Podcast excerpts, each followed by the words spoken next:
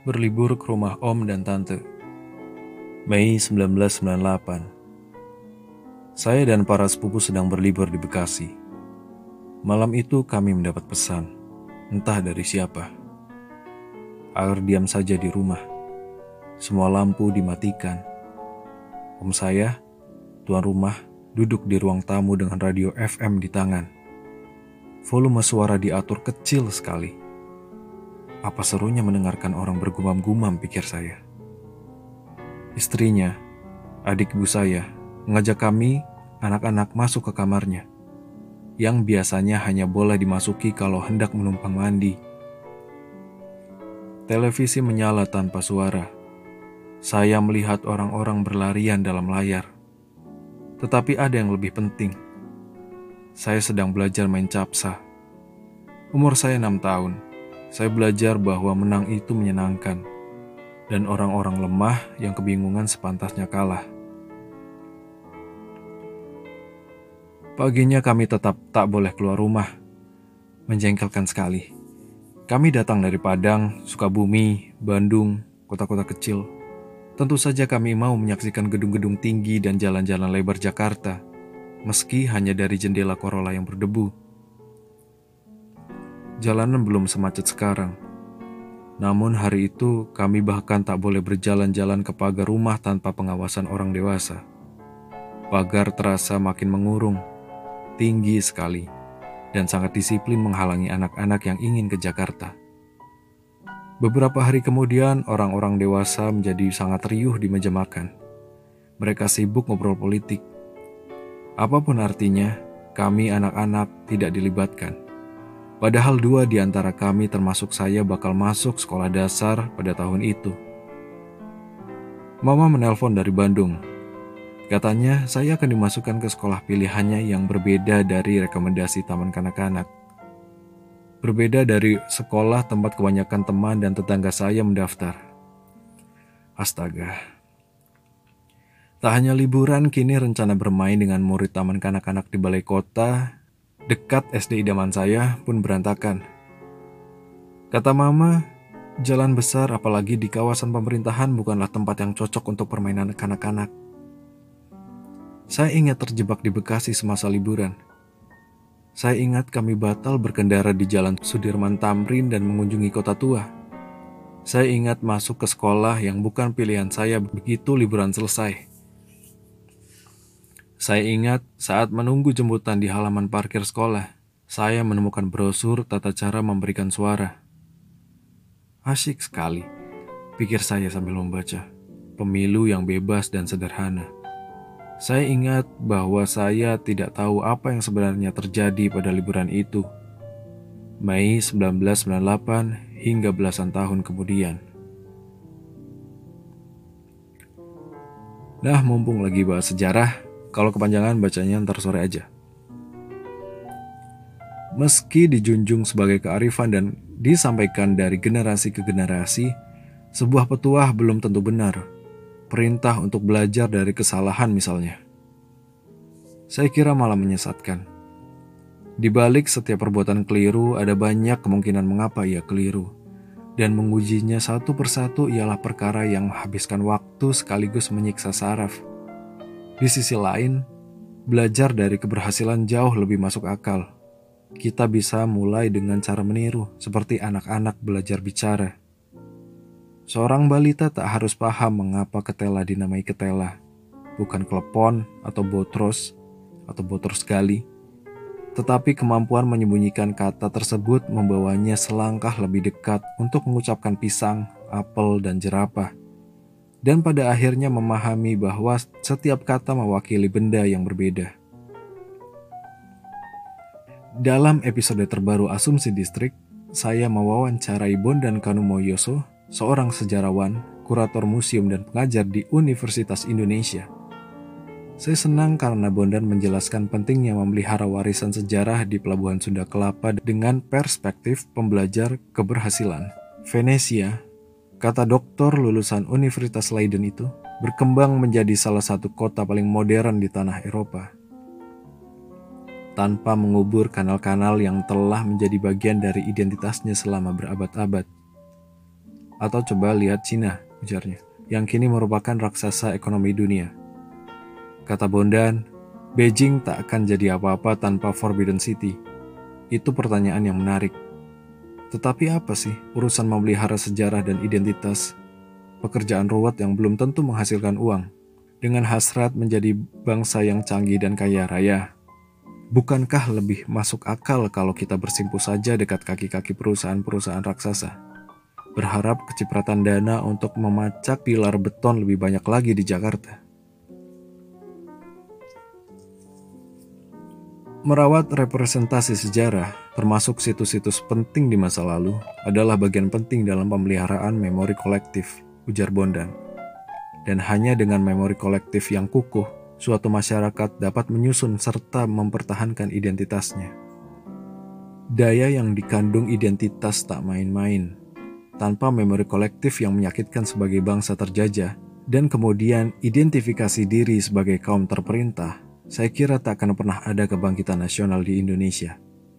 Tak akan ada tekad yang berkobar untuk merdeka dalam kepala para pendiri bangsa kita. Dalam Istanbul Memories and the City 2003, novelis Turki Orhan Pamuk membicarakan bagaimana kotanya selalu dilingkupi huzun perasaan kehilangan dan terputus dari kejayaan Turki Utsmani, sekaligus berharap-harap cemas terhadap kebaruan. Istanbul dimutakhirkan dengan cetak biru pinjaman dari negeri-negeri barat, tetapi tidak dapat melepaskan diri dari bayang-bayang ukiran-ukiran kuno, istana para pasya dan jalan-jalan yang menyerupai labirin jika dipandang dari ketinggian, dan minaret-minaret megah yang menggetarkan. Memori kolektif yang murung itu, menurut Pamuk, menguatkan Istanbul pada masa-masa sulit. Ia juga mendorong kami untuk membaca kehidupan dan sejarah Istanbul secara terbalik. Memungkinkan kami berpikir bahwa kekalahan dan kemiskinan bukanlah akhir sejarah, melainkan permulaan yang terhormat, tulisnya. Demikian pula orang-orang Finlandia yang mendapatkan kekuatan dari Kalevala, identitas kebangsaan mereka, untuk membebaskan diri dari pendudukan Rusia dan menjadikan negaranya berhasil dalam berbagai bidang. Saya kira hal-hal macam itulah yang dimaksud Bondan ketika dia menyebut sejarah sebagai pemandu untuk menyongsong hari depan. Pelabuhan Sunda Kelapa yang pernah menjadi bandar dagang penting dari Kerajaan Pajajaran dan Kesultanan Banten, dan kemudian menjadi landasan Batavia, kini sepi, berdebu dan kelihatan bisa menyerah kapan saja. Namun ia belum selesai. Di sana ada komunitas Sunda Kelapa Heritage yang bersikeras merawat apa-apa yang tersisa.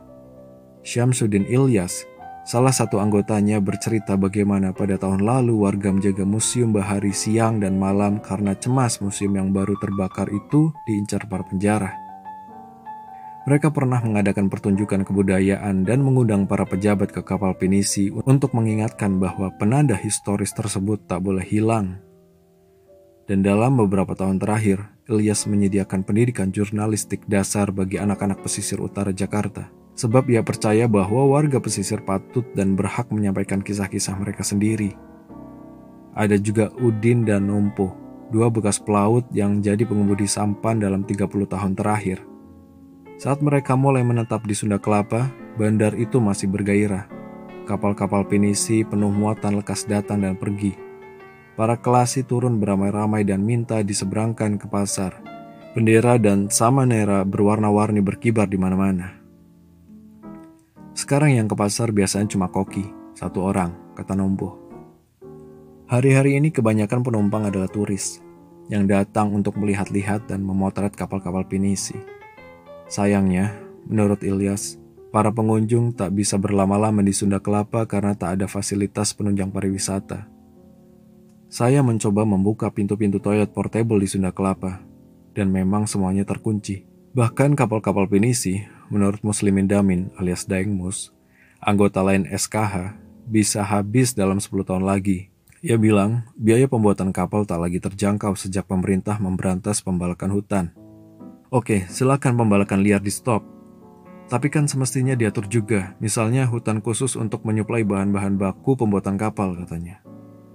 Secara turun-temurun, keluarga besar Daeng Mus adalah pemilik dan pengelola kapal-kapal pinisi.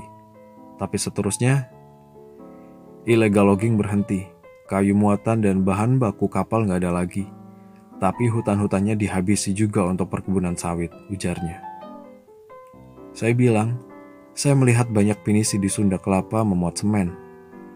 Sekarang begitu, kata Dengmus.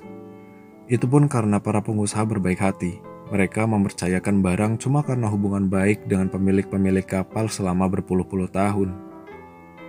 Pada 2014, sejarawan dan aktivis Hilmar Farid menyampaikan sebuah pidato yang cemerlang dan menggugah di Taman Ismail Marzuki.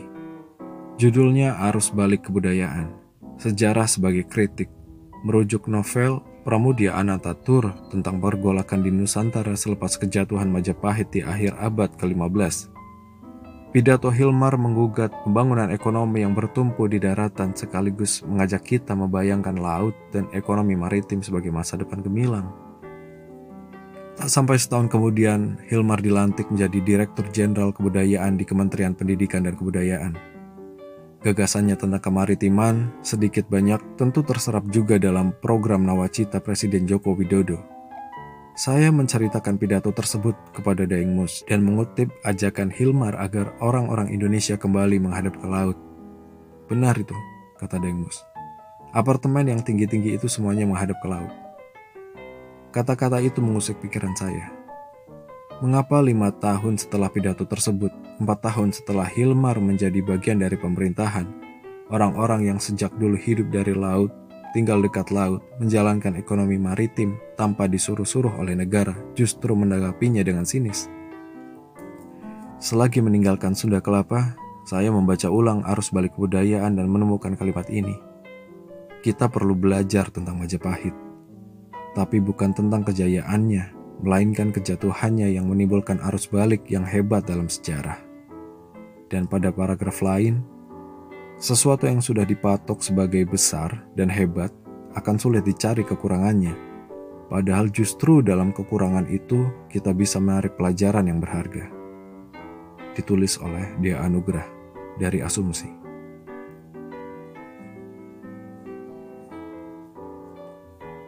Ada banyak bacaan yang menarik atau tulisan yang bagus dari daily newsletter 5.45 dari asumsi.co. Silakan kamu berlangganan, setiap hari kamu akan mendapatkan email, berita, atau artikel tulisan yang bagus seperti ini. Salah satunya adalah ini.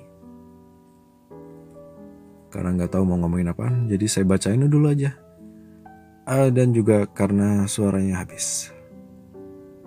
Ada lagi uh, tadi pagi uh, bukan tanggal 24 ini yang tanggal 24 ya saya akan bacakan Aku cemas akan kehilangan kau. Aku cemas pada kecemasanku. Hari ini satu saja. Semoga kita tidak lupa.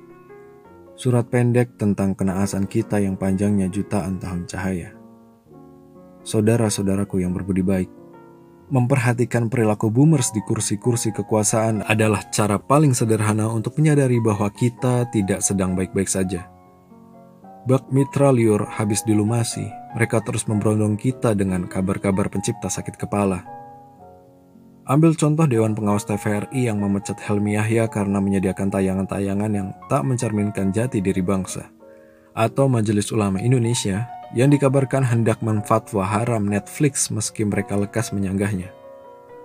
Dan tentu saja selalu ada Bapak Johnny J. Plate. Tenang, tenang. Saya sudah move on dari permintaannya yang ganjil terhadap Pornhub dan perangnya yang tak kunjung padam melawan Netflix. Keberatan saya sekarang dalam Indonesia Millennial Summit tanggal 18 Januari kemarin beliau menggembar-gemborkan kemajuan infrastruktur digital Indonesia seraya mengimbau agar milenial ambil bagian di industri tersebut. Milenial perlu kenal kemajuan digital Indonesia katanya. Boomers yang berkuasa saya kira kelewat banyak bicara soal kehidupan anak muda dengan pemahaman yang melenceng entah ke mana. Fenomena ini punya nama boomers planning. Istilah ini mulai berseliweran menjelang Pilpres 2016 di Amerika Serikat bahkan pernah dituduhkan kepada Bill Clinton saat ia angkat bicara tentang feminisme. Sebelum ucapan oke okay, boomers jadi teknik andalan kita untuk membungkam orang-orang uzur yang salah kaprah, boomers planning merangkum kecenderungan mereka untuk bacot. Sebenarnya wajar bila para boomers penguasa begitu getol ikut campur tanpa diajak. Indonesia diprediksi akan mencapai bonus demografi pada 2030, di mana jumlah penduduk berusia produktif menjadi mayoritas. Suara anak muda diperbutkan dalam tiap pemilihan umum, dan istilah milenial dilempar oleh setiap instansi pemerintah supaya mereka terlihat cekatan, inovatif, dan berpikiran maju. Anak-anak muda adalah aset bangsa, kata mereka. Saudara-saudaraku yang berpikiran tajam, setiap kali orang berbicara tentang anak muda atau milenial, siapakah yang mereka maksud? Penelusuran menarik dari The Jakarta Post membeberkan bahwa mayoritas anak muda Indonesia bukanlah pekerja kreatif perkotaan yang gemar menyeruput kopi selagi di rubung nyamuk senja. Kebanyakan milenial Indonesia berpendidikan setingkat SMA, bekerja di sektor jasa dengan kedudukan rendah dan pendapatannya mentok di angka 2,1 juta rupiah. BPS pada tahun 2017 mencatat hanya 1,4 persen dari generasi milenial yang menduduki jabatan tingkat manajer dan hanya 7% yang memegang pekerjaan profesional. Sisanya serabutan dan berhamburan bak debu-debu pembangunan. Kepemilikan properti juga telah lama jadi angan-angan hampa. 81 juta milenial di Indonesia belum memiliki rumah. Aryane Utomo, seorang ahli demografi sosial yang diwawancarai oleh The Jakarta Post, menyatakan bahwa prediksi bonus demografi bisa jadi berstandar pada asumsi yang tidak lagi tepat. Indonesia tengah mengalami deindustrialisasi prematur yang menghabisi sektor manufaktur dan milenial saat ini menghadapi perubahan besar-besaran tentang definisi kerja itu sendiri. Menurut Pete Robertson dari Universitas Edinburgh, Napier, karir pada abad 21 akan menjadi tanpa batas berdasarkan portofolio dan protean. Pekerja mengubah diri sesuai kebutuhan. Prediksinya kelam. Tak ada lagi pekerjaan seumur hidup semua orang harus bergelantung pada dua, tiga, empat pekerjaan. Mereka berayun dari satu proyek ke proyek lainnya tanpa kepastian jaminan kerja dan jenjang karir. Di masa depan, mau tak mau, semua orang akan menjadi pekerja prekariat. Pekerjaan-pekerjaan musiman macam ini bakal menciptakan stagnansi ekonomi.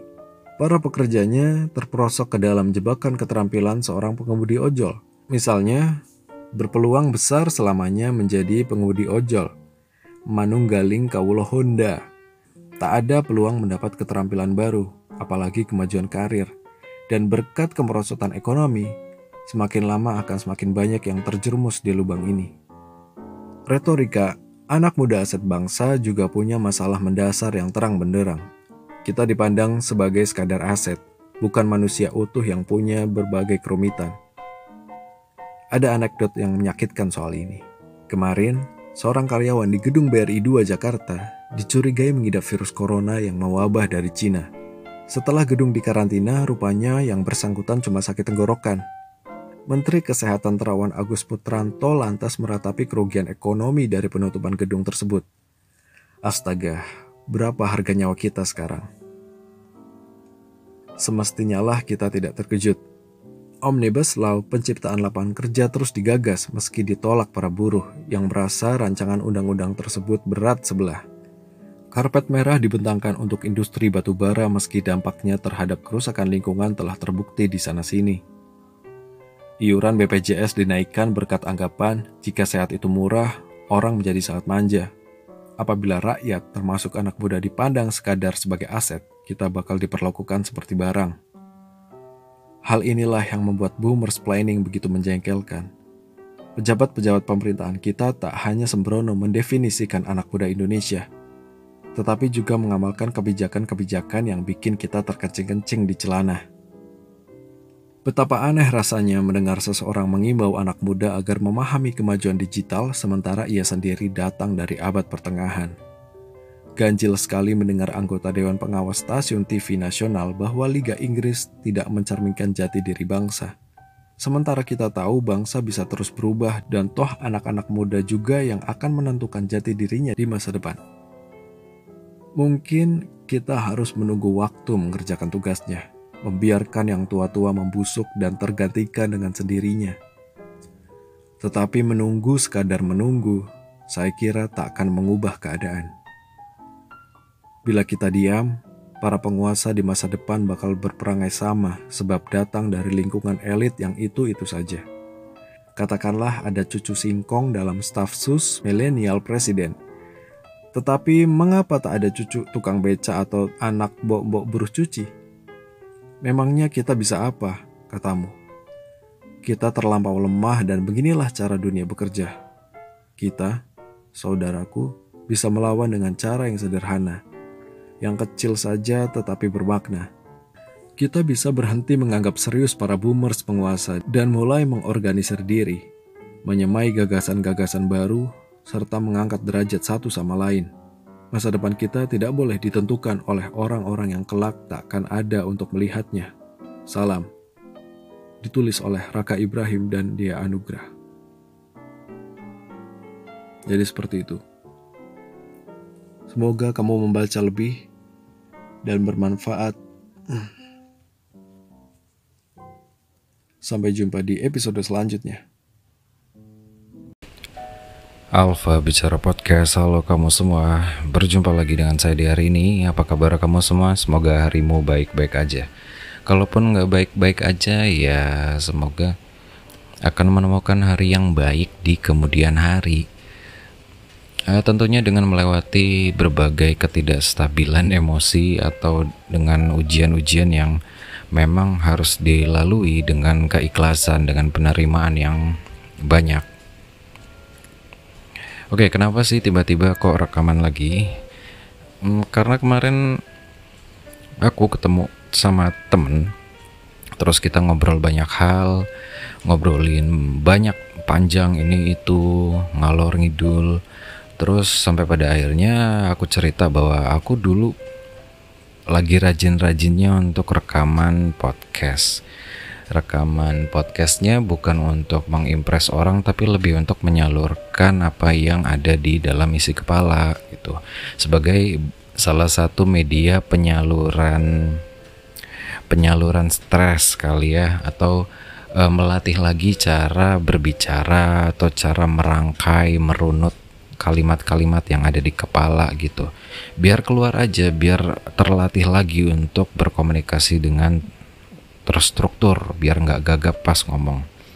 Tapi ngomong-ngomong soal gagap pas ngomong, ya bisa aja kita pas lagi ngobrol atau ngomong sama orang yang uh, teman biasa lah atau relasi yang biasa itu kita bisa lancar tapi akan sedikit tersendat akan sedikit agak kacau ketika kita berbicara atau mencoba untuk berkomunikasi dengan orang yang kita suka atau orang yang kita tuh punya perasaan itu ke dia. Ya itu namanya sih kurang lebih wajar kali ya karena kan eh, eh, sudah tercampur dengan perasaan-perasaan tertentu, logika-logika tertentu, teori-teori tertentu. Apalagi kan kalau misal orang PDKT mau deket sama orang itu kan akan sekali ini ya cenderung untuk menjaga image agar eh, dia itu menjadi sosok yang perfect, yang sempurna atau yang layak untuk didapatkan oleh si lawan jenis ini. Jadi agak sedikit jaga-jaga diri, agak sedikit menata-nata gitu agar tidak lawan lawan bicaranya yang ditaksir ini nggak ilfil pas sama dia. Ya itu sih sekelas ini aja ya. Uh, tapi by the way, akhir-akhir ini topik yang lagi marak banget dibicarakan sebenarnya sih banyak sih, apalagi setelah ini. Setelah era sosial media yang sangat banyak. Arus informasinya tuh sangat masif dan begitu cepat. Kalau kamu pantengin lebih lama di Twitter akan banyak topik yang ada di Twitter dan itu sangat dinamis per jam per hari itu beda-beda. Kalau kamu sering mantenginya di FYP TikTok itu pun sama dan bisa jadi TikTok yang trending eh TikTok topik yang trending di TikTok dengan topik yang trending di Twitter itu beda. Tapi ya ini sih ada plus dan minusnya sendiri itu untuk kecepatan arus informasi ya. Ya plusnya kalau kita orangnya FOMO atau kalau nggak butuh banget asupan informasi karena merasa kosong aja kalau nggak ada berita hari ini itu terbantu. Itu jadi jadi bisa jadi bahan topik pembicaraan untuk uh, ngobrol di tongkrongan atau pas PDKT atau pas lagi ngapain gitu kan. Tapi negatifnya kalau menurutku ya jadi terlalu banyak aja ini informasi yang masuk yang kita serap secara nggak langsung apalagi misal kita lebih aktif di uh, platform sosial media seperti TikTok. Uh, sering kali kan kita tuh lagi nggak ngapa-ngapain baru buka apps aja tiba-tiba ada berita ter tertentu yang kita nggak search akhirnya kita tahu akhirnya kita kepo nanti like lagi like lagi muncul lagi topik yang sama pembicaraan yang sama gitu. Jadi kadang penuh penuh dengan informasi yang sebenarnya nggak kita butuh-butuh banget gitu kan. Tapi yang lagi rame sih sebenarnya kalau Indonesia ya. Kalau Indonesia tuh nggak jauh-jauh dari topik politik sih karena sudah memasuki tahun-tahun ini tahun-tahun politik. Uh, Indonesia mau pemilu tahun depan sudah ada calon-calonnya calon-calon presiden dan wakil presiden dan itu ada drama-drama tertentu ada apa tuh namanya belokan eh belokan tikungan-tikungan tertentu manuver-manuver politik yang terjadi oleh beberapa pihak. Ada yang lompat dari partai satu ke partai yang lain ada yang ada yang membangun sentimen. Ya buzzer-buzzer sudah mulai bekerja untuk saat ini gitu tapi kalau aku buka Tempo tempo.co yang paling dicari itu yang nomor satu itu Syahrul Syahrul Yasin Limpo.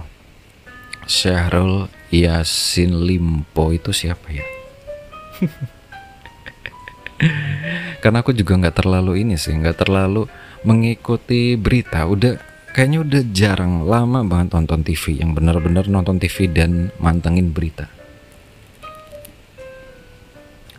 tapi kita search kali ya Syahrul Yasin Limpo Syahrul Yasin Limpo itu siapa?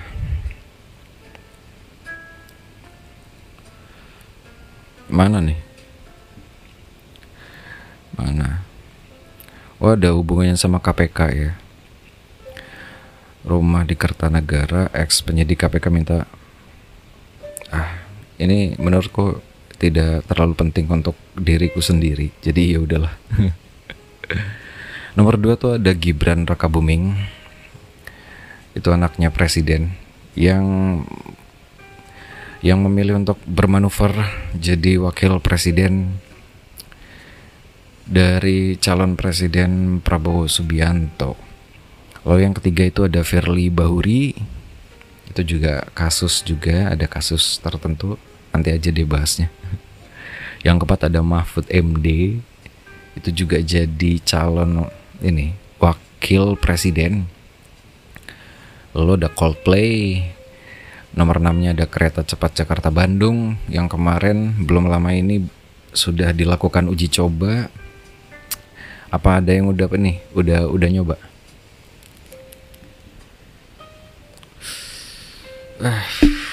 Itu pun polemiknya masih banyak sih soal kereta cepat itu. Dan uh, kemungkinan ya kemungkinan ini akan mempengaruhi juga tuh relasi dengan investornya atau atau skema bisnisnya mereka ini dengan perpolitikan di Indonesia siapa yang akan jadi presiden dan wakil presiden kemungkinan akan menentukan juga nasibnya KCIC ini Lalu yang nomor 7 itu adalah ada Jokowi, nomor 8-nya Ganjar Pranowo, nomor 9-nya Anies Baswedan, nomor 10-nya Prabowo Subianto ya. Nggak nggak jauh-jauh dari topik perpolitikan Indonesia. Tapi sebenarnya yang rame di sosmed banyak sih ada kalau di TikTok ada ada wanita yang curhat soal pernikahannya yang gagal atau kandas, harus bercerai atau diceraikan oleh suaminya karena si suami ini memilih untuk uh, membahagiakan ibunya gitu. Tapi menurutku ini ini sih apa ya informasi kadang kadang itu ada obrolan yang memang lingkupnya forum internal, forum kecil, ada yang memang lingkupnya umum atau luas. Banyak sekali informasi yang sebenarnya disederhanakan ketika ingin dilempar ke publik yang lebih luas. Eh, banyak hal lah yang sudah kamu dengar di media televisi, di media massa, itu biasanya sudah dalam bentuk deskripsi yang lebih sederhana daripada aktual realnya, aktual faktanya. Dan karena arus informasi di era media sosial, kecepatannya sangat cepat dan apa-apanya itu bisa jadi konten. Uh, untuk kasus rumah tangga seseorang yang sifatnya private pun yang dicurhatkan ke forum keagamaan tertutup pun ketika dipublish ke layak ke halayak ramai gitu ya pasti akan menemukan pro dan kontra akan jadi konflik akan jadi polemik. Karena kan setiap netizen itu merasa berhak untuk berbicara gitu. padahal untuk urusan pernikahan ya apalagi. Ya bisa jadi bisa jadi dari sisi sudut pandang yang perempuan seperti ini yang laki-laki seperti ini dan faktanya kan kita nggak benar-benar tahu. Tapi netizen tuh punya kecenderungan untuk langsung menghakimi, langsung memberikan statement benar dan salah pada saat itu juga. Padahal kalau misal ada ada peradilan, ada pengadilan kan ada ada step by stepnya itu sebelum dinyatakan bersalah atau dihukum gitu kan. ada data yang diolah dulu, ada ada apa ya? ya interview kali ya ditanya-tanya dulu baru akhirnya nanti disidangkan apakah benar salah atau enggak gitu tapi kalau netizen Indonesia kan langsung aja pokoknya oh ini uh, gara-gara ceweknya nangis nih berarti ceweknya tuh tersakiti. Belum tentu. Banyak orang yang mengeluarkan air mata tapi tapi ya palsu juga bohong juga. Ya banyak motifnya. Tapi sih saya nggak nggak urusan sih. Karena ngapain memasukkan informasi yang sifatnya itu tidak terlalu penting nggak ada irisannya dengan hidup sendiri gitu. Ya kalau peduli ya kalau aku sih cenderung doain aja lah. Doain aja buat dirinya eh, di, diri yang bersangkutan sama yang berkonflik biar cepat selesai. Terus apa lagi ya? Banyak sih. Kalau di TikTok tuh banyak banget informasinya nggak bisa habis ramenya nggak bisa habis. Bahkan ada berita siapa meninggal pun ada. Dan kadang nggak tahu siapa yang meninggal artis apa gitu seleb apa. Ya bukan berarti itu nggak penting ya mungkin penting untuk beberapa orang tapi kan untuk lingkup uh, masal senegara se Indonesia ya nggak semua orang harus tahu juga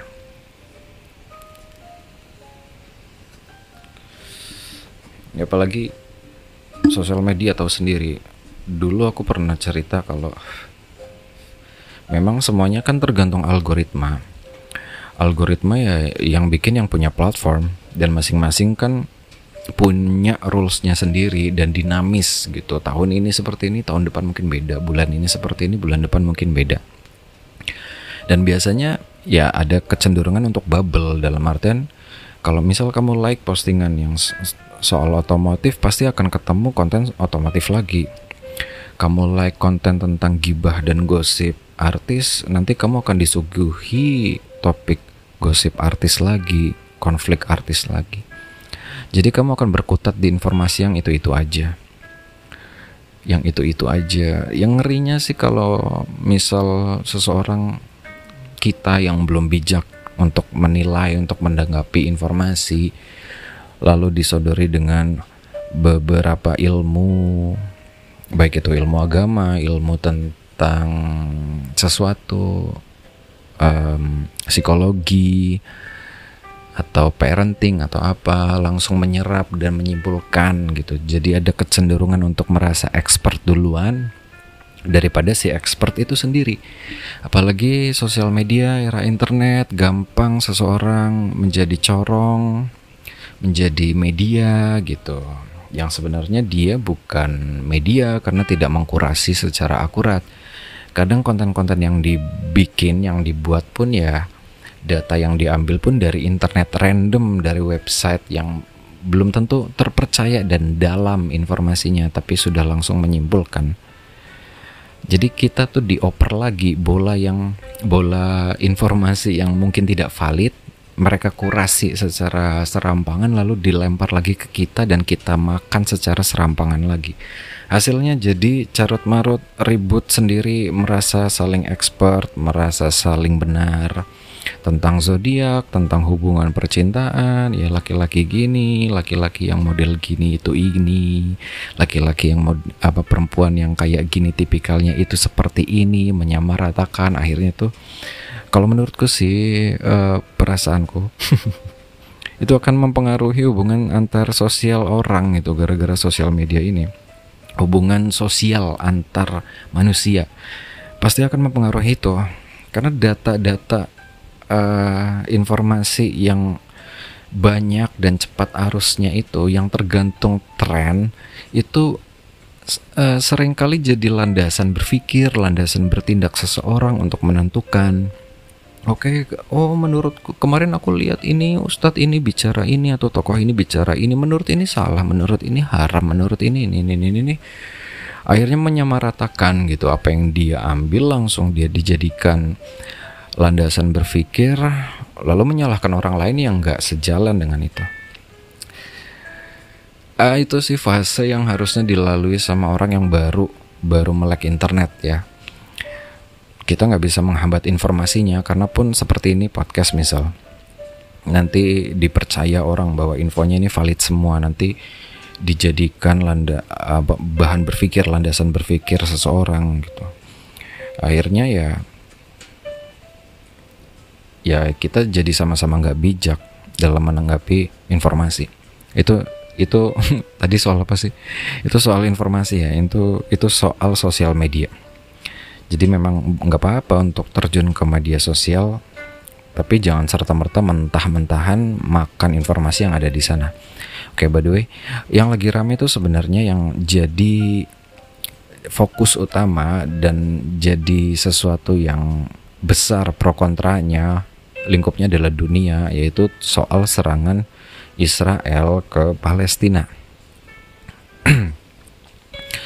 Konflik ini tuh udah lama dan kayaknya memang nggak bisa selesai. Sepertinya nggak bisa selesai. Ya karena udah dari kapan serangan-serangan yang tiba-tiba masif menewaskan banyak orang nggak ada yang bisa ngontrol berkepanjangan berpuluh-puluh tahun. Berpuluh-puluh tahun.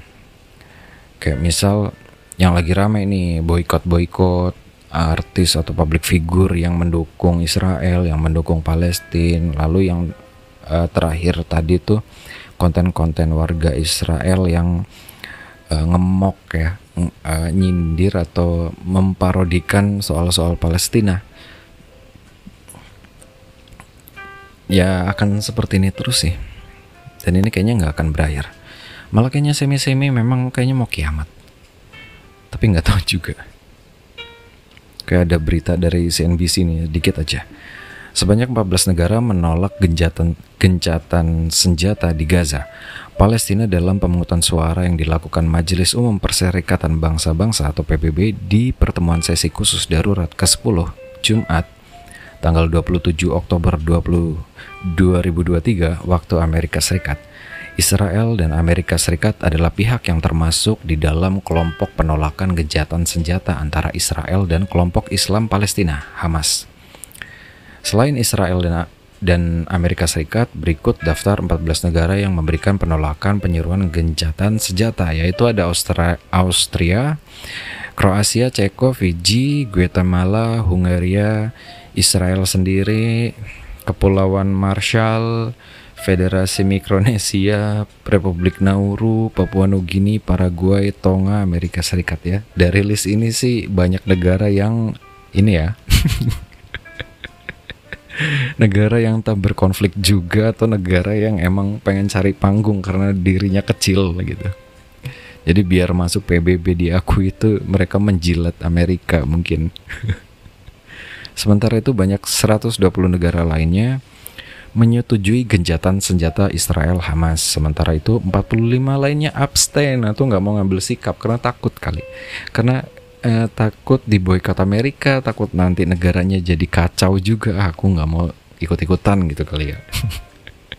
Adapun Indonesia termasuk ke dalam kelompok negara yang menyetujui seruan gencatan senjata. Oh, untungnya Indonesia masuk ke kelompok negara yang setuju gencatan senjata. Karena kan kita tahu uh, dulu tuh kita uh, gerakan yang dianut adalah gerakan non blok yang berusaha untuk tidak ngeblok ke kanan atau ke kiri. Ya tujuannya mungkin biar tidak rugi gitu. Misal yang kalah yang kiri kita nggak rugi banget, yang kalah yang kanan kita nggak rugi banget. Jadi ya sana ke sana kemari. Bisa jadi juga emang ini pengen netral atau nggak punya nggak punya pendirian kali ya. Bisa jadi juga tapi itu bercanda. Berdasarkan hasil Berdasarkan hasil tersebut, Majelis Umum PBB menyerukan genjatan senjata demi kemanusiaan yang bersifat segera, tahan lama dan berkelanjutan antara Israel dan Hamas. PBB juga menuntut akses bantu menuntut akses bantuan tanpa hambatan ke jalur Gaza yang terkepung. Selain PBB, eh selain itu PBB juga menuntut seluruh pihak untuk segera dan sepenuhnya mematuhi kewajiban berdasarkan hukum kemanusiaan dan hak asasi manusia internasional. Resolusi besar tersebut tidak menyebutkan nama Hamas yang menyandra sekitar 220 warga sipil yang ditangkap dalam serangan dahsyat pada 7 Oktober 2023 lalu. Namun mereka menyerukan pembebasan segera dan tanpa syarat semua warga sipil yang ditawan secara ilegal dan menuntut keselamatan dan perlakuan manusiawi, serta mengutuk serangan terhadap warga sipil Palestina dan Israel. Sayangnya, mosi yang dirancang oleh Yordania ini tidak mengikat, tetapi memiliki bobot politik yang mencerminkan sejauh mana Amerika Serikat dan Israel terisolasi secara internasional ketika Israel meningkatkan operasi daratnya. Dan bla bla bla bla bla bla bla ini berita yang dari lama itu ya paling ujung-ujungnya cuma mentok di gencatan senjata. Tapi emang kita tahu nggak sih benar-benar sejarahnya tuh gimana sih? Sejarah konflik ini tuh kayak apa? Kenapa tuh bisa jadi bisa terjadi konflik yang kayak gini? Emang dulu tuh kayak apa sih? Aku pun nggak tahu. Maksud maksudnya nggak nggak terlalu ngulik karena kan ini udah lama banget dan kita tuh sebagai manusia juga punya masalah sendiri-sendiri kadang juga lupa. Apalagi uh, tidak tidak tidak ini ya tidak kuliah atau belajar di politik internasional secara langsung. Tapi boleh sih kita kulik sedikit gitu ya. Aku ini udah nyusun isai bacain dikit tapi ini panjang ya. Oke, okay, kalau kalau berkenan ini biarkan saya untuk membacakan. Konflik Palestina dan Israel adalah salah satu konflik terpanjang dan paling kompleks di dunia. Konflik ini bermula dari klaim atas wilayah yang sama oleh kedua belah pihak yang memiliki latar belakang sejarah, agama, dan politik yang berbeda.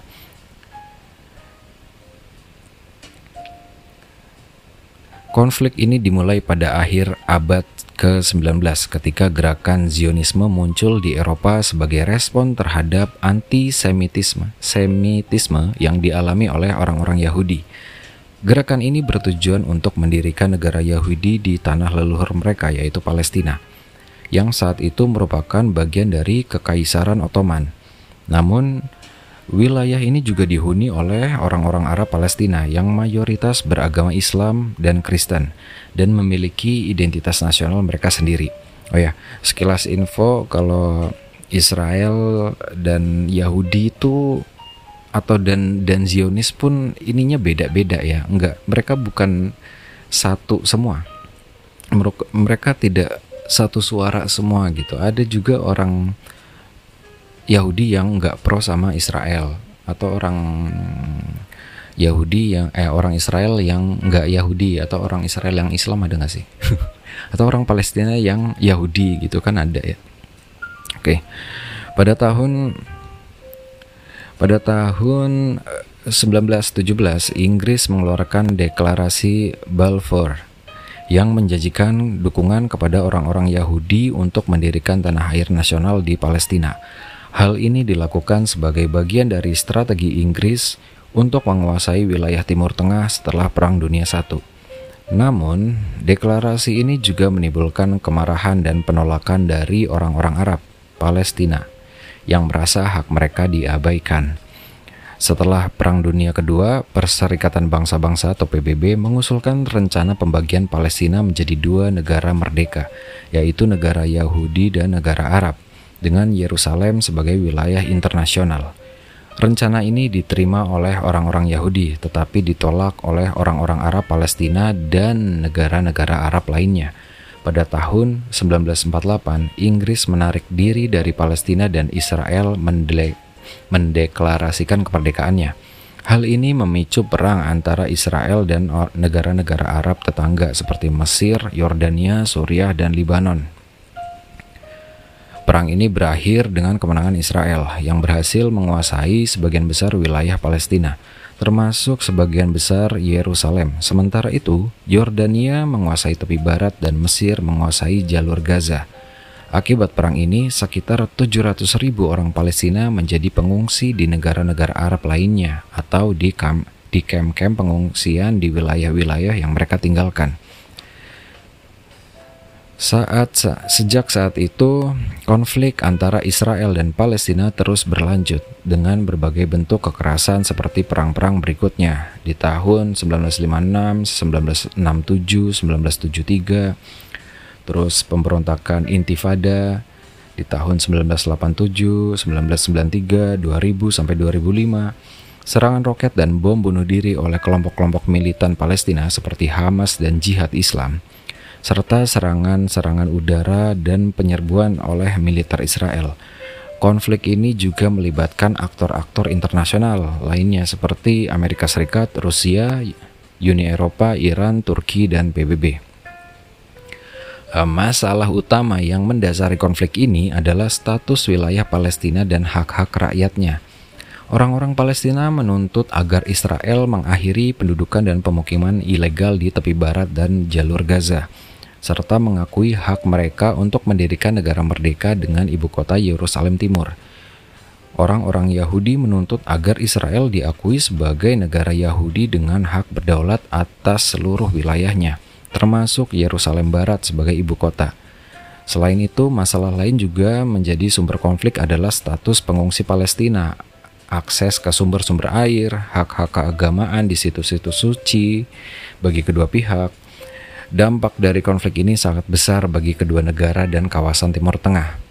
Konflik ini telah menimbulkan korban jiwa, luka-luka, kerusakan, dan penderitaan yang tak terhitung bagi warga sipil di kedua sisi. Konflik ini juga telah menghambat proses pembangunan, perdamaian, dan stabilitas di kawasan tersebut. Dan konflik ini juga telah mempengaruhi hubungan diplomatik, ekonomi, keamanan, serta negara-negara di kawasan tersebut, serta dengan negara-negara lain di dunia. Konflik Palestina dan Israel adalah konflik yang rumit dan sulit untuk diselesaikan. Meskipun telah ada beberapa upaya untuk mencapai perdamaian seperti perjanjian Oslo di tahun 1993, rencana jalan menuju damai di tahun 2003, dan inisiatif perdamaian Arab di tahun 2002, namun belum ada kesepakatan akhir yang dapat diterima oleh kedua belah pihak. Oleh karena itu diperlukan komitmen, kesabaran, dan keterbukaan dari kedua belah pihak serta dukungan dari masyarakat internasional untuk mencari solusi yang adil dan berkelanjutan bagi konflik ini. Ya, seperti yang kita tahu tadi itu, memang konflik ini tuh rumit, sangat-sangat rumit dan serangan yang menewaskan banyak orang di momen-momen tertentu itu sudah berulang kali dari tahun ke tahun, bulan ke bulan. Uh, Perserikatan bangsa-bangsa pun terbukti ya kalau bisa dinilai secara serampangan ya nggak bisa mendamaikan kedua belah pihak toh juga di dalamnya ada anggota istimewa yang punya hak veto yang sangat tinggi yaitu Amerika Serikat sendiri pun tidak mendukung untuk ngejatan senjata. Jadi memang uh, ada misi tertentu, politik tertentu yang memang sulit untuk dilawan, punya backingan yang sangat besar yaitu Amerika Serikat sendiri. Um, dan terlepas dari itu banyak sekali uh, kerancuan sih. Akhirnya merembet ke masalah urusan konflik soal keagamaan. Padahal kan belum tentu soal agama. Apalagi di titik itu ada uh, situs-situs suci yang diakui oleh agama-agama yang ada di sana. Yahudi Islam Kristen. Kristen nggak sih? Ya nggak sih? Nggak tahu jadi bisa merembet ke situ ke soal agama dan itu sangat sangat mudah digoreng karena sentimennya tinggi tingkat kesensitifannya tinggi. Ya komentarnya apa ya? Nggak. Apa sih yang sebenarnya kita bisa lakukan? Sudah berapa kali dalam beberapa tahun foto profilmu diganti dengan I stand with Palestine atau I stand with Israel atau dengan logo Hamas atau bendera apa gitu udah berapa kali apakah itu bisa cukup membantu kalau ku ini sih apa ya aku kira dan aku pikir tidak terjadi tidak mendorong sesuatu untuk menghambat Israel terus menyerang atau konflik ini terus uh, berhenti gitu. Uh, terus ada beberapa kan um,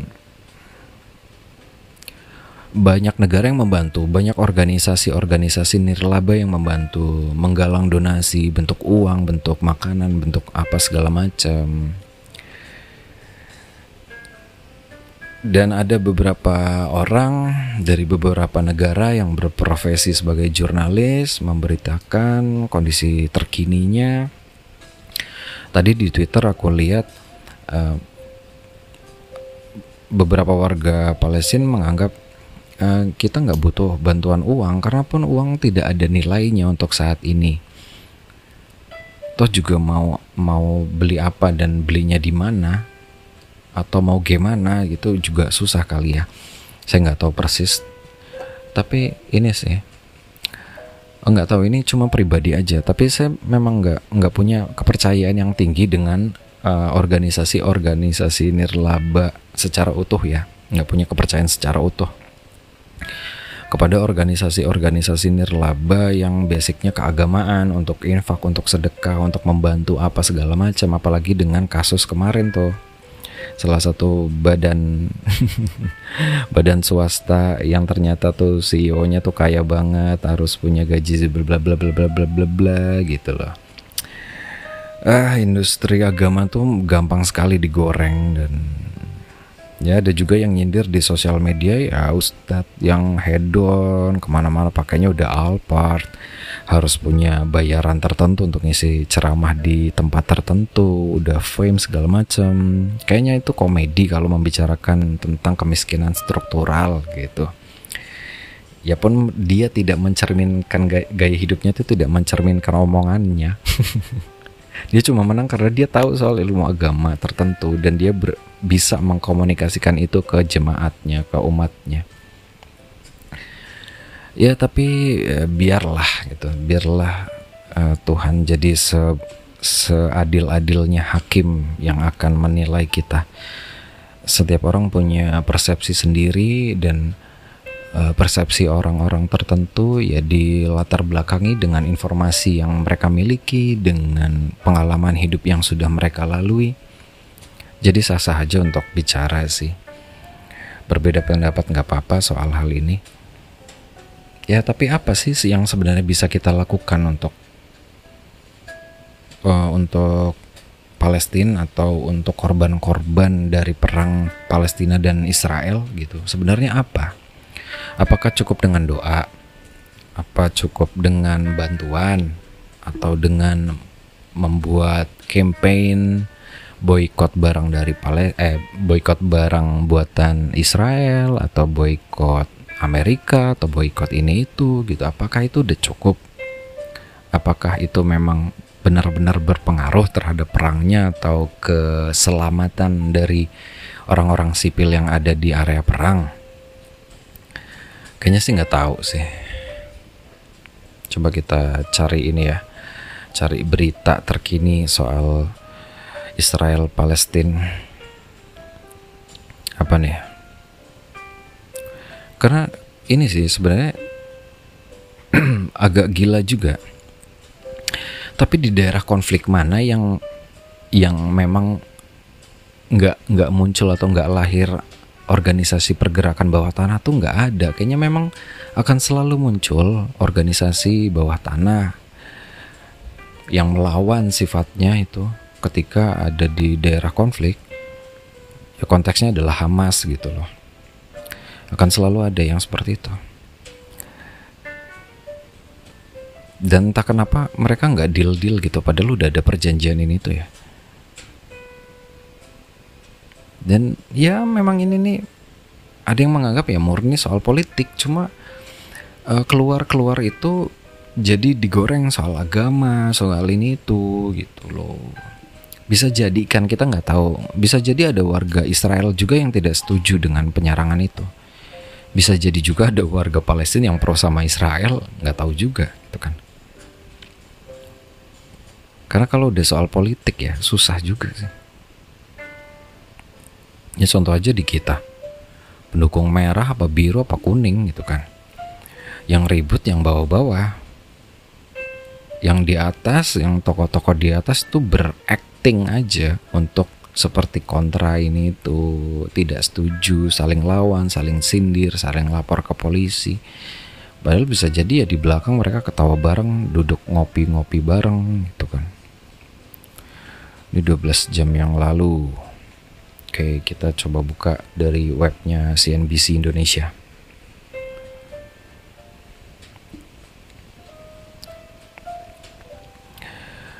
Pasukan Israel kembali meluncurkan sejumlah roket di perbatasan Israel Gaza pada Sabtu 28 Oktober 2023 sebagian sebagai bagian dari serangannya yang terus-menerus terhadap Gaza.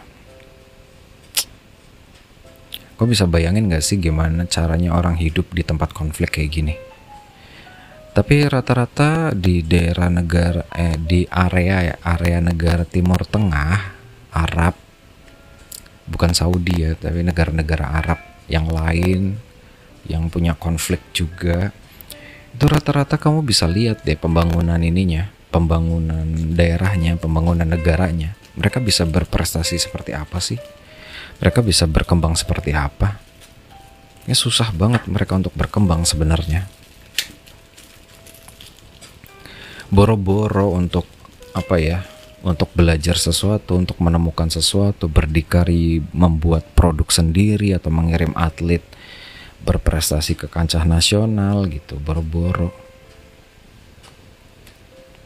Dan gimana ininya ya, gimana psikologi warganya gitu anak-anaknya, orang-orang tuanya. Ada nggak sih misal dari dari konteks dunia hiburan ada nggak sih sineas dari Palestina atau ini? Atau gimana? A ada nggak cerita cinta legendaris gitu di daerah konflik itu? Mungkin ada tapi nggak terkenal sampai keluar ya karena boro-boro ya fokus fokus negara berkonflik ya gimana caranya mereka bisa hidup damai dan merdeka kali tapi yang menyedihkan ya korban-korban anak-anak kecil sih. Setauku ya setauku bukan hari perang bukan ahli perang sih sebenarnya tapi setauku anak-anak kayaknya nggak boleh di, di di dilumpuhkan atau dibunuh kayak gitu. Atau menyerang area yang banyak anak-anaknya. Kayak misal kayaknya orang yang musuh yang ada di ini parasut terjun payung tuh emang nggak boleh dibakar bakar parasutnya pas di atas pas di langit kali kayak gitu. Atau uh, musuh yang sudah menyerah nggak boleh disiksa atau dibunuh atau gimana gitu kan. Kayaknya perang tuh juga ada aturannya. Aduh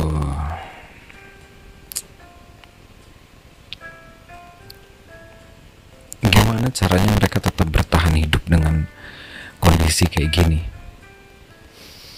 Dan kalaupun kalaupun memang mereka harus pergi tuh ada nggak sih yang benar-benar mau menerima mereka?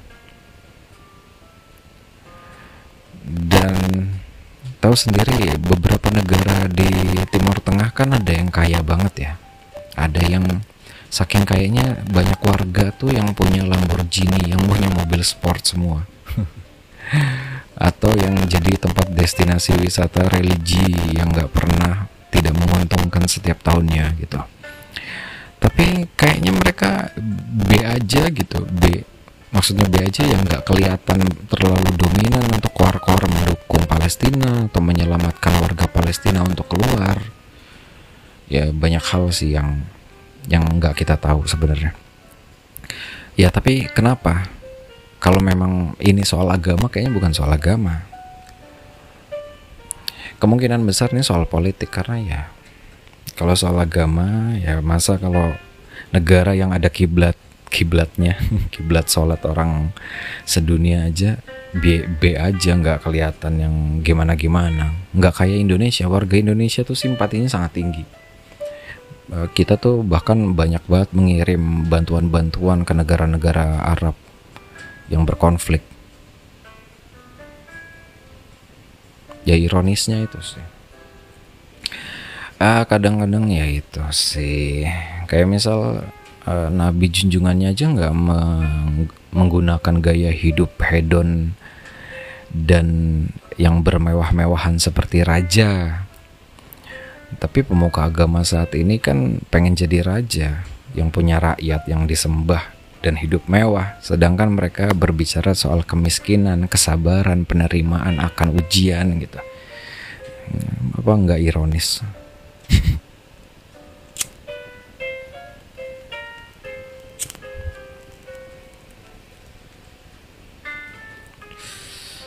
hmm. Coba kita baca sedikit. Israel dilaporkan mengempur pasar yang penuh warga Palestina di Rafah, Gaza Selatan.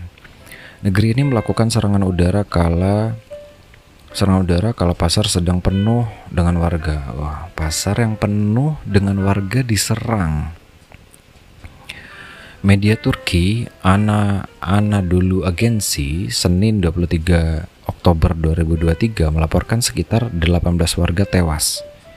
Mengutip Kementerian Kesehatan Gaza, Puluhan orang terluka dalam pemboman itu.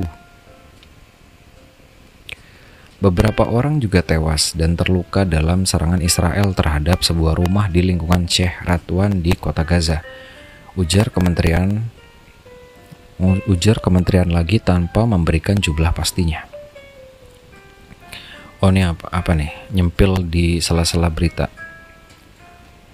Oh ya, kekuatan sekarang kan yang dominan tuh Barat didominasi oleh Amerika, terus ada Cina dan Rusia. Nah, negara adidaya yang lain nih kita cukup penasaran nih responnya seperti apa akan konflik ini. Akan memihak ke siapa nih Cina?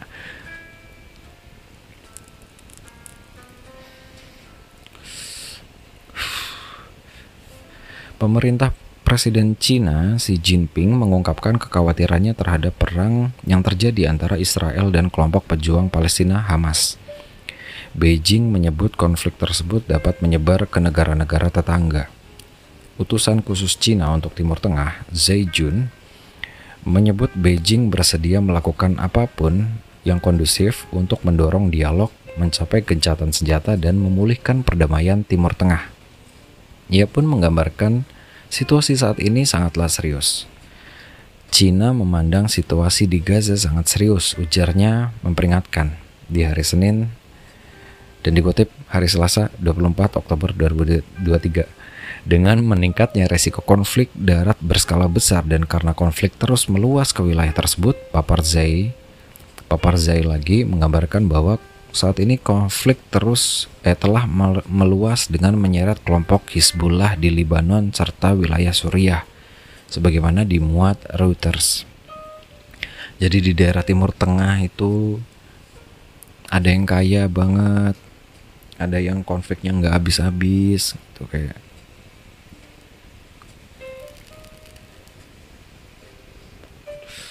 entah apa yang sedang yang udah terjadi itu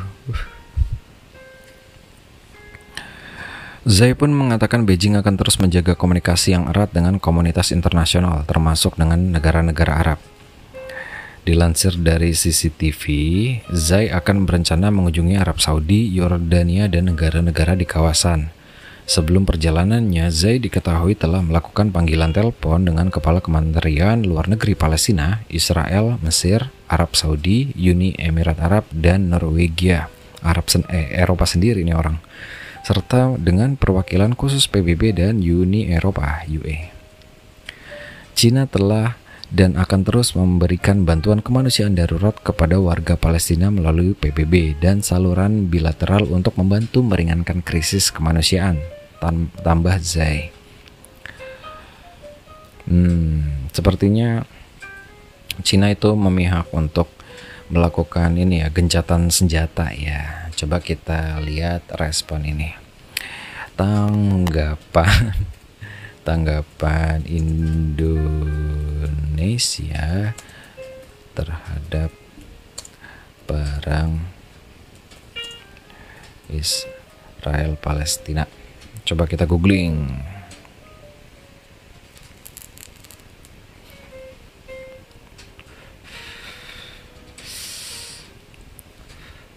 Apa deh?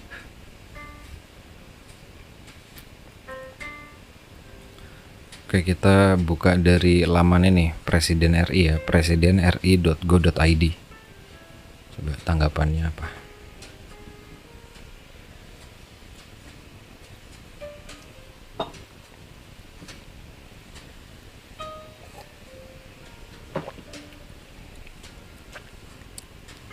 Indonesia desak penghentian tindak kekerasan di daerah konflik Palestina Israel. Presiden juga mendorong agar akar permasalahan yang menimbulkan konflik Palestina dan Israel segera diselesaikan sesuai dengan ketentuan yang telah disepakati.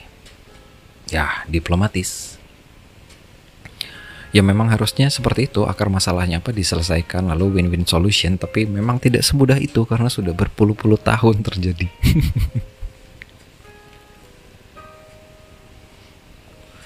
Akan sulit menemukan win-win solution kalau yang lemah itu melawan yang punya backingan lebih kuat pasti permintaannya akan tidak adil Presiden Joko Widodo menyampaikan sikap Indonesia atas situasi konflik Palestina dan Israel yang kembali terjadi. Dalam keterangannya di Istana Merdeka, Jakarta, Presiden mendesak agar perang dan tindak kekerasan yang terjadi di, di daerah konflik segera dihentikan guna menghindari jatuhnya korban lebih banyak lagi.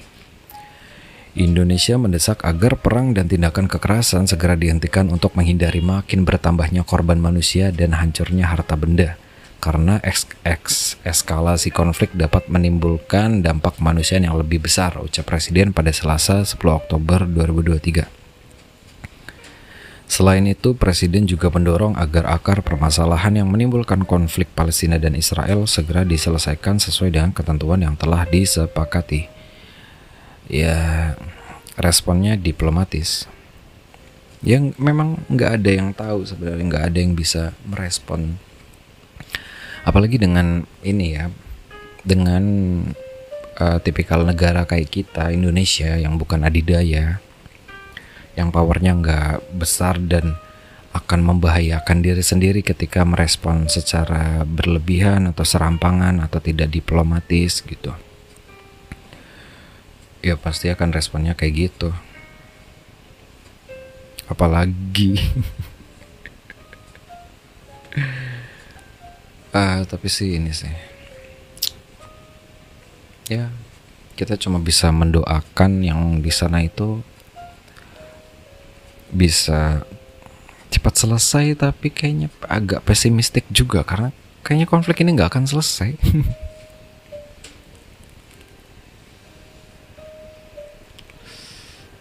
Kemungkinan akan kayak yang sudah-sudah. Ada gencatan senjata sejenak, lalu tenang sejenak ya seolah untuk untuk berita dalam skala internasional akan tenang sejenak lalu ada panas kecil-kecil lagi lalu besar lagi kayak gini dan berulang lagi akan kayak gitu. Dan ya udah itu soal Palestina nggak akan ada habisnya sebenarnya. Kita pun nggak akan nggak akan ini ya harus bisa mengambil sikap yang bijak untuk menanggapi beberapa hal untuk banyak hal sebenarnya. Apalagi yang datanya itu tidak kita ketahui boykot boykot juga kayaknya nggak berhasil juga karena kita sudah ketergantungan dengan apa yang dibuat oleh orang lain yang mungkin kita anggap Yahudi atau Israel atau orang-orang kafir gitu. Ya smartphone, internet, Waze atau mikrotik gitu kan. Itu bikinannya siapa? Starbucks gitu.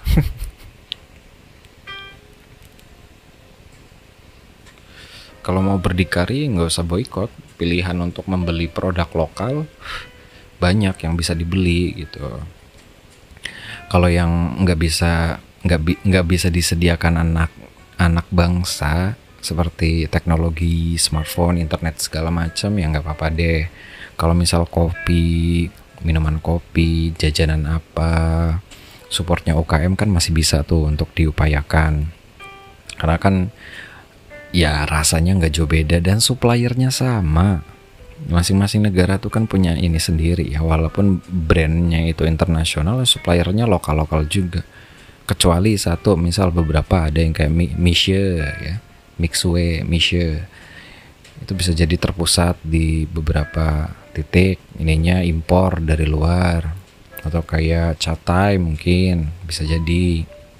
Tapi kalau kayak Starbucks sih atau yang lain ya bahan baku lokal sih itu. Cuma brandingnya besar. Tapi kan perputaran uangnya kan kelihatan.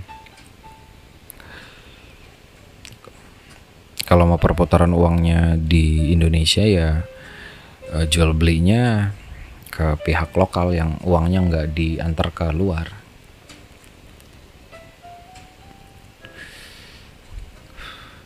Soal politik pesanku ya sama aja nggak usah gontok-gontokan harus perang menjelekkan satu lainnya gitu. Toh sudah ada banyak contoh yang bisa dilihat yang dulu saling bunuh argumen saling sindir saling menghina pun kebagian enak juga ketika ketika tokoh politik yang didukung menjabat posisi tertentu dan yang nggak dapat apa-apa sebenarnya kita yang rakyat biasa yang tidak terafiliasi secara langsung ke partai politiknya atau kepentingan politik masing-masing pihak. Jadi ya responnya harus biasa aja dan gak harus berkoar-koar harus pokoknya nomor satu, pokoknya nomor dua, pokoknya nomor tiga biasa aja. Kewajiban untuk nalaah oke okay aja, tapi paling ya sama-sama aja. Karena disadari atau enggak ya mau presidennya ganti mau ininya ganti. Tapi ada yang lebih di atas lagi nih ada yang lebih di atas lagi. Eh, masing-masing kepala di daerah itu membentuk dinasti masing-masing. Dimulai dari orang-orang pengusaha-pengusaha yang nyalek jadi terus ngajak anak istri menantu cucu segala macam ya apalagi ya contohnya misal di Banten gitu udah daerah yang terkenalnya kekurangan ini segala macam oh ternyata pemimpinnya mewah sendiri. Ya, bisa kita nilai. Atau calon-calon anggota dewan yang dari public figure aktor penyanyi pelawak apa gitu kan. Ya seperti istilah apa matinya kepakaran ya sekarang memang kepakaran udah mati. Digantikan oleh kepopuleran yang lebih populer yang lebih di, lebih dipercaya omongannya untuk mendapatkan amanah. Padahal ya mereka berupaya untuk memperkaya diri sendiri memperenak hidup diri sendiri gitu kan. Malah banyak banget tokoh yang sebenarnya di grassroots itu nggak mau terkenal nggak mau ditahu namanya nggak tahu nggak mau diliput pergerakannya tapi tetap membantu orang sama halnya pun kayak pemuka-pemuka agama yang nggak pernah mau untuk diliput nggak mau men menyicipi fame nggak mau mencicipi harta benda tapi memang benar-benar mengabdi untuk agama yang dianutnya pun ada gitu. Kita bisa menilai kita bisa memilih gitu. Bukan berarti yang fame sekarang itu salah yang terpilih sekarang itu salah sepenuhnya gitu. Karena manusia kan nggak nggak hitam putih kita tuh abu-abu kadang ya ada ada salahnya ada dosanya ada baiknya juga toh nanti kalau misal percaya sama kehidupan setelah kematian atau hari pembalasan pun akan ditimbang. Kalau ditimbang kan berarti ada jelek, ada buruk, ada dosa, ada pahalanya. Jadi ya jangan apa ya, jangan jadi kultusan yang menganggap seorang tokoh tuh nggak ada celah yang selalu benar perkataan dan tindakannya gitu. Orang tuh sama aja, tergantung kepentingannya, kemampuannya dalam bidang tertentu, kemampuannya untuk mendapatkan simpati dan menjalin komunikasi ke masyarakat bawah, ke stakeholder, ke investor, ke partai politik atau ke lawan politik kayak gitu. Jadi jangan sampai kita berkonflik sendiri tuh sama teman-teman kita, keluarga kita, tetangga kita karena beda pilihan. Anggap slow aja hidup hidup kita tuh nggak bakal berubah signifikan hanya karena presidennya ganti.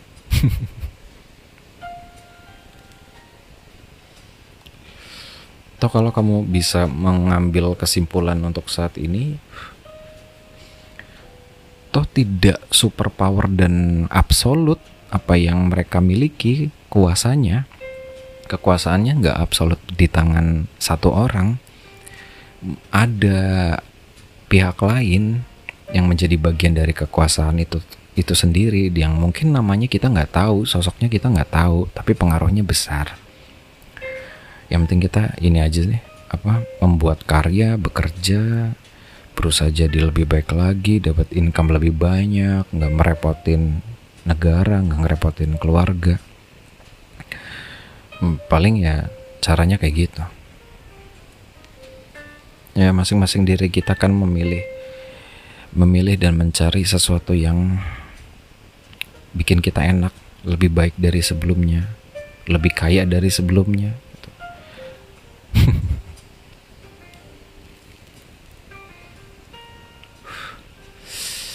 ya udah segitu aja deh. Udah satu jam. Uh, untuk urusan bisnis dan apa ya uh, usaha UMKM segala macam besok akan kita bahas di lain kesempatan. Kalau kamu mau nanya atau curhat bisa kirimkan email aja ke alfabicarapodcast@gmail.com seperti biasa.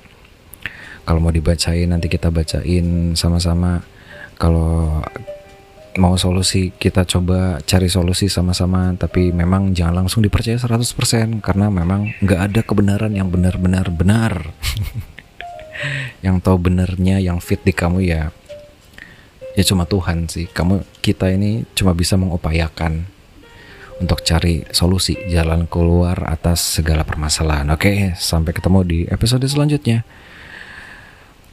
aku pamit Alfa Bicara Podcast signing out. Bye bye.